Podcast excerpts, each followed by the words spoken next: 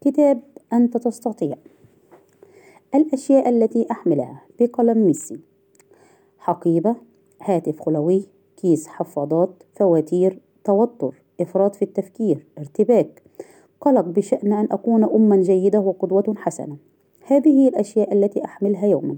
في أغلب الأيام أشعر وكأني أحمل العالم كله على كتفي دون استراحة ودون نوم ودون مساعدة من أحد. وأنا في نهاية اليوم أحمل كل هذه الأشياء وأكثر ولكن هذه الأشياء التي أحملها هي ما صنعني وهي ما جعل أنا هي أنا. أنا سعيدة جدا لأنهم أخبروني أن الأمومة عمل كأي عمل آخر ولا أحد يحب عمله كل يوم ولا بأس في ذلك. قوة التعاطف مع الذات بقلم تايلور كريس. تخيل أن صديقة طيبة تجلس على الطاولة أمامك وهذه الصديقة طردت من عملها اليوم وهي على وشك البكاء. ومن الواضح أنها بحاجة لبعض الكلمات اللطيفة لكنك تقوم بما تفعله دوما وتقول لها بنبرة هجومية نوعا ما من قبل. نعم ما كان يجب عليك أن تكوني سيئة للغاية في عملك لكن للأمانة الأمر أكبر من ذلك. أنت بكل بساطة فاشلة في حياتك. حسنا. على الأرجح أنت تفكر أنك لن تتحدث بهذه الطريقة مع صديق يحتاجك. لكن ماذا لو كنت أنت الشخص الذي خسر عمله؟ أو ببساطة أنت الشخص الذي قضى على علبة من البوظة وعلى حميته الغذائية. كيف تتحدث إلى نفسك في خضم الفشل والأوقات الصعبة؟ حسنا. تشير الدراسات أنك على الأرجح أكثر صرامة مع نفسك مما أنت عليه مع أصدقائك. ويظهر البحث أن العديد منا يهدرون كمية مذهلة من الطاقة في لوم أنفسهم وقول أشياء من من قبيل أنت فظيع ولماذا تحاول حتى؟ ولكن لماذا نعمل هذا بأنفسنا؟ هل نبحث عموما عن الأشخاص المدمرين؟ عندما نحزن معتقدين أنه سيكون المفيد أن يصيح أحدهم في وجهنا مستهجنا بلا رحمة؟ هل يعزز إحباط أنفسنا أكثر بمزيد من الانتقادات القاسية مرونتنا حقا؟ الجواب في الغالب لا إنه غير مفيد في الواقع تظهر الدراسات تظهر الدراسات أن الأشخاص الذين لديهم مستوى عالي من التعاطف مع الذات يميلون لاختبار حالات أقل من الاكتئاب وأكثر من التحفيز وتفاؤل أكبر وسعادة أكبر ورضا عن الحياة أكثر بعيدا عن كوننا نوعا ما أشخاصا حمقى من العصر الحديث يسعون نحو السعادة الروحية فقد تبين أن التعاطف مع الذات يحسن من صحتنا وثروتنا وسعادتنا. إنه محسن هائل وهو أسلوب عيش يحقق سعادة أكبر. لذا دعونا نعطي فرصة للتعاطف مع الذات فقد يساعد هذا حقا في دفعك أثناء لحظات عدم الثقة بالنفس وأثناء مواجهة الصعاب خلال طريقك لتحقيق النجاح الخلاق. جانب هام من جوانب التعاطف مع الذات هو أن نكون قادرين على أن نحتضن بتعاطف كلا الجزئين في أنفسنا. الذات النادمة على أمر حدث في, الم... حدث في الماضي والذات التي قامت بالفعل أساسا. الطرق الأكثر فاعلية لبناء عادة جديدة. بقلم جيمس كلير. وفقا لباحثين في جامعة ديوك تمثل العادات أربعين بالمئة من سلوكياتنا يوميا. في الواقع فهم كيفية بناء عادة جديدة وكيفية عمل عادتك الحالية هو أمر ضروري لإحراز تقدم بما يتعلق بصحتك وسعادتك وحياتك بشكل عام. ولكن يمكن أن يكون هناك الكثير من المعلومات ومعظمها ليست معلومات سهلة الفهم. لذا من أجل حل هذه المشكلة وتجزيء الأمور بأسلوب بسيط جدا وضعت دليل الاستراتيجيات هذا لبناء عادة جديدة تداوم عليها بالفعل. النقطة الأولى ابدأ مع عادة صغيرة إلى درجة لا تصدق. اجعل الأمر سهلا جدا بحيث لا يمكنك رفضه. لكاتبه ديو بابوتا عندما يكافح معظم الناس للمداومة على عادة جديدة يقولون أشياء من قبل أنا أحتاج فقط دافعا أقوى. أو أتمنى لو كان لدي قوة الإرادة التي لديك. هذا هو النهج الخاطئ. إذا أظهرت البحوث أن قوة الإرادة كالعضلات تتعب وأنت تستعملها خلال اليوم ومن زاوية أخرى يتأرجح الدافع صعودا وهبوطا ازديادا ونقصانا. ويطلق بيجي فوغ أستاذ في ستانفورد على هذا اسم موجة الدافع. حل هذه المشكلة هو عن طريق اختيار عادة جديدة تكون سهلة بما فيه الكفاية؟ لدرجة أنك لا تحتاج دافع للقيام بها. فبدلا من البدء بخمسين تمرين ضغط في اليوم ابدأ بخمس تمارين في اليوم. وبدلا من محاولة التأمل لعشر دقائق في اليوم ابدأ بالتأمل لمدة دقيقة واحدة في اليوم. اجعل الأمر سهلا بما يكفي بحيث تستطيع القيام به من دون دافع. النقطة الثانية. كثف من عادتك على نحو ضئيل جدا. النجاح هو بضعة ممارسات منضبطة تقوم بها يوميا بينما الفشل هو بضعة أخطاء في التقدير تكررها يوميا. جيم رون في الواقع إدخال التحسينات بنسبة واحد في المئة يجعلها تتزايد بسرعة مفاجئة. لذلك إلجأ إلى هذه الطريقة. وبدلا من محاولة القيام بشيء مذهل منذ, منذ البداية ابدأ بداية صغيرة وتحسن بشكل تدريجي. وخلال هذه المسيرة ستزداد قوة إرادتك وسيقوى دافعك للأمر الذي سيجعل من الأسهل المداومة على عادتك بلا رجعة. النقطة الثالثة وأنت تبني عادتك قسمها إلى أجزاء. إذا استمريت بإضافة واحد بالمئة كل يوم عندها ستجد نفسك تتطور بسرعة كبيرة خلال شهرين أو ثلاثة. كما أنه من المهم أن تبقي كل عادتك معقولة بحيث يمكنك الحفاظ على الزخم وبما يجعل القيام بالسلوك سهل قدر الإمكان. هل تحاول بناء عادة التأمل لعشرين دقيقة؟ إذا قسمها إلى فترتين بحيث تتكون كل فترة من عشرة دقائق في البداية. هل تحاول القيام بخمسين تمرين ضغط في اليوم؟ إذا أداء عشر جلسات كل منها مكونة من خمس تمارين ضغط ربما يكون أسهل بكثير وأنت تشق طريقك للوصول إلى مرادك. النقطة الرابعة عندما تنحرف عن مسارك عد إلى المسار الصحيح بسرعة. أفضل طريقة لتحسين تحكمك بذاتك هو إدراكك كيف ولماذا فقدت السيطرة. كيلي ماكو نيغل.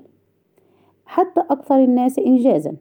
يخطئون ويقعون في الزلات وينحرفون عن المسار الصحيح تماما مثل أي شخص آخر ولكن الفرق بأنهم يعودون إلى المسار الصحيح في أسرع وقت ممكن.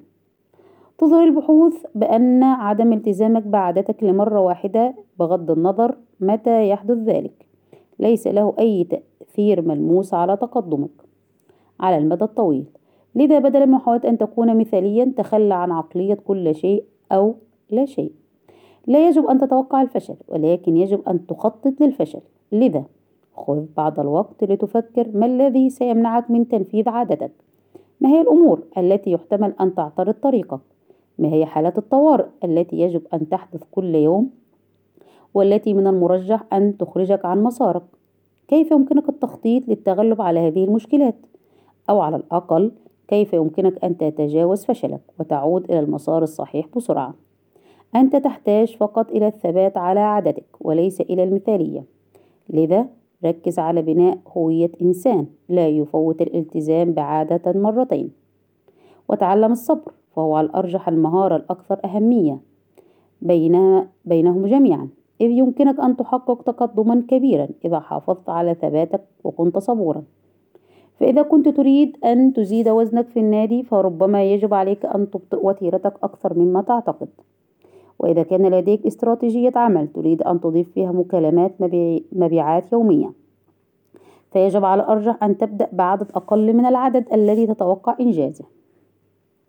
الصبر هو كل شيء بالإضافة إلى أنه عليك القيام بأمور يمكنك المداومة عليها. ختاما نؤكد على أنك يجب أن تشعر أن العادة الجديدة سهلة وخاصة في البداية وأنك إذا حافظت على ثباتك على عادتك ووصلت تكثيفها فإنها ستصبح قوية وراسخة بما فيه الكفاية فهذا هو الحال مع العادات دوما. تحكم بعاداتك. تحكم بحياتك. كيف تتخلص من العادات السيئة وتستبدلها بعادات جيدة؟ بقلم جيمس كلير. ما الذي يسبب العادات السيئة؟ معظم عاداتك السيئة, عاداتك السيئة ناتجة عن أمرين الضغط والملل. في معظم الأحيان تكون العادات السيئة ببساطة وسيلة للتعامل مع الضغط والملل.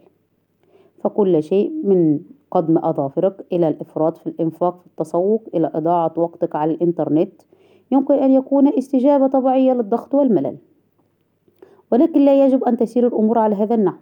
يمكن أن تعلم نفسك وسائل جديدة وصحية للتعامل مع الضغط والملل بحيث يمكنك فيما بعد أن تستخدمها عوضا عن عاداتك, عاداتك السيئة.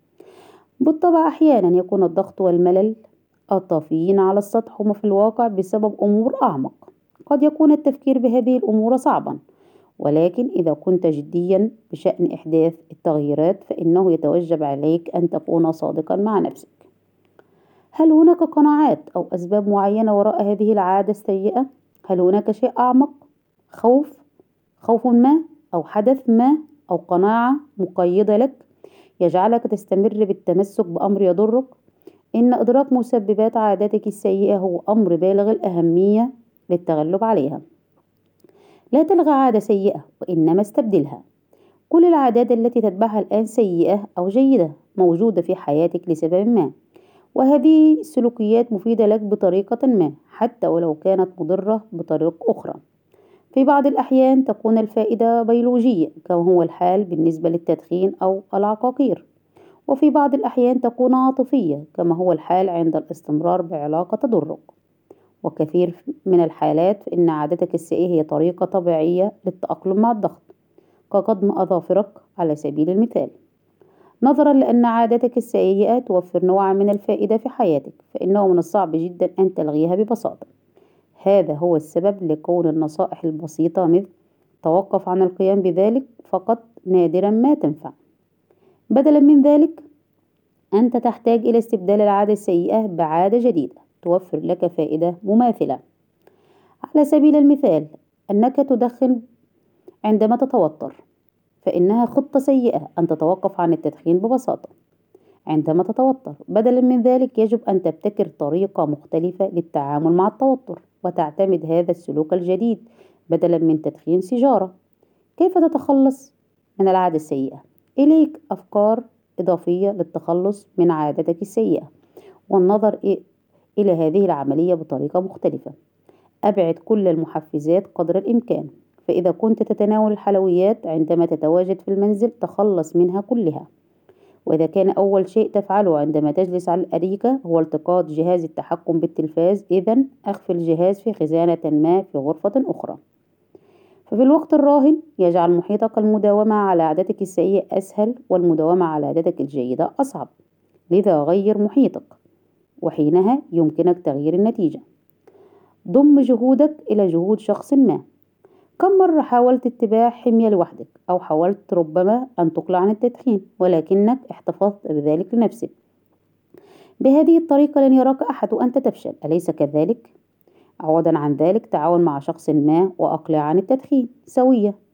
يمكن أن يحاسب بعضكم بعضا وأن تحتفل بنصركما معا. فمعرفة أن شخص آخر يتوقع منك أن تكون أفضل هو حافز قوي.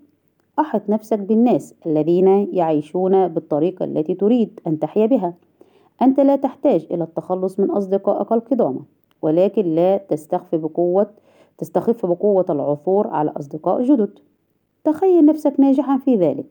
انظر إلى نفسك وأنت ترمي السيجارة بعيدا أو تشتري طعاما صحيا أو تستيقظ باكرا.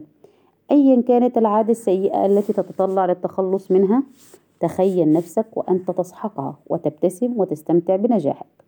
شاهد نفسك وأنت تبني لك هوية جديدة. لا تحتاج أن تصبح شخصا آخر أنت فقط تحتاج للعودة إلى ما كنت عليه سابقا. غالبا ما نعتقد بأنه من أجل التخلص من عاداتنا السيئة نحتاج لأن نصبح أشخاصا جددا تماما. ولا والحقيقة أن هذا الشخص بدون عادته السيئة موجود في داخلك بالأصل. فالواقع من المستبعد جدا أن هذه العادات السيئة كانت معك طيلة حياتك فأنت لا تحتاج إلى الإقلاع عن التدخين أنت تحتاج فقط إلى العودة لكونك غير مدخن. استخدم كلمة ولكن للتغلب على الحوار السلبي مع الذات. هناك شيء واحد فيما يخص محاربة العادات السيئة هو أنه من السهل أن تصدر الأحكام على نفسك لعدم التصرف بشكل أفضل. في كل مرة ترتكب هفوة أو تقترف خطأ من السهل أن تقول لنفسك كم أنت سيء. كلما حدث ذلك قم بإنهاء الجملة بكلمة ولكن أنا سمين وجسمي غير متناسق ولكن بإمكاني أن أكون بكامل لياقتي خلال بضعة أشهر من الآن. أنا فاشل ولكن أي شخص يفشل أحيانا. خطط للفشل فنحن جميعا نرتكب الهفوات بين الفينة والأخرى. بدلا من عقاب نفسك على الخطأ خطط لذلك. نخرج جميعنا عن المسار ولكن الذي يصنع الفرق بين الأشخاص المنجزين وبقية الأشخاص الآخرين هو أن الأشخاص المنجزين يعودون إلى المسار بسرعة كبيرة. كيف تنطلق؟ إذا كنت تبحث عن الخطوة الأولى للتخلص من عاداتك السيئة أود أن أقترح أن تبدأ بالوعي. من السهل أن تتورط فيما تشعر به حيال عاداتك السيئة. يمكنك أن تجعل نفسك تشعر بالذنب أو تقضي وقتك تحلم بالحال الذي كنت ترغب في أن تكون عليه الأمور ولكن هذه الأفكار تأخذك بعيدا عما يحدث فعليا بدلا من ذلك إنه الوعي الذي سوف يريك كيفية إجراء التغيير فعليا متى بدأت بعادتك السيئة فعليا؟ كم مرة تتكرر في اليوم؟ أين أنت؟ من معك؟ ما الذي يحفز السلوك ويجعله يبدأ؟ ببساطة إن تتبع هذه الأمور سوف يجعلك أكثر وعيا للسلوك ويمنحك عشرات الأفكار لإيقافه. إليك طريقة بسيطة للبدء. فقط تتبع كم مرة في اليوم تتكرر عادتك السيئة. ضع ورقة وقلم في جيبك. في كل مرة تحدث عادتك السيئة ضع علامة على ورقتك في نهاية اليوم احص كل العلامات وشاهد ما هو المجموع. في البداية ليس هدفك أن تصدر الأحكام على نفسك أو أن تشعر بالذنب حيال القيام بأمر غير صحي أو غير مثمر. الهدف الوحيد هو أن تكون مدركا لوقت حدوث العادة السيئة ولا عدد مرات حدوثها. افهم حقيقة المشكلة من خلال وعيك لها ومن ثم يمكنك البدء في تنفيذ أفكار هذه المقالة والتخلص من عادتك السيئة.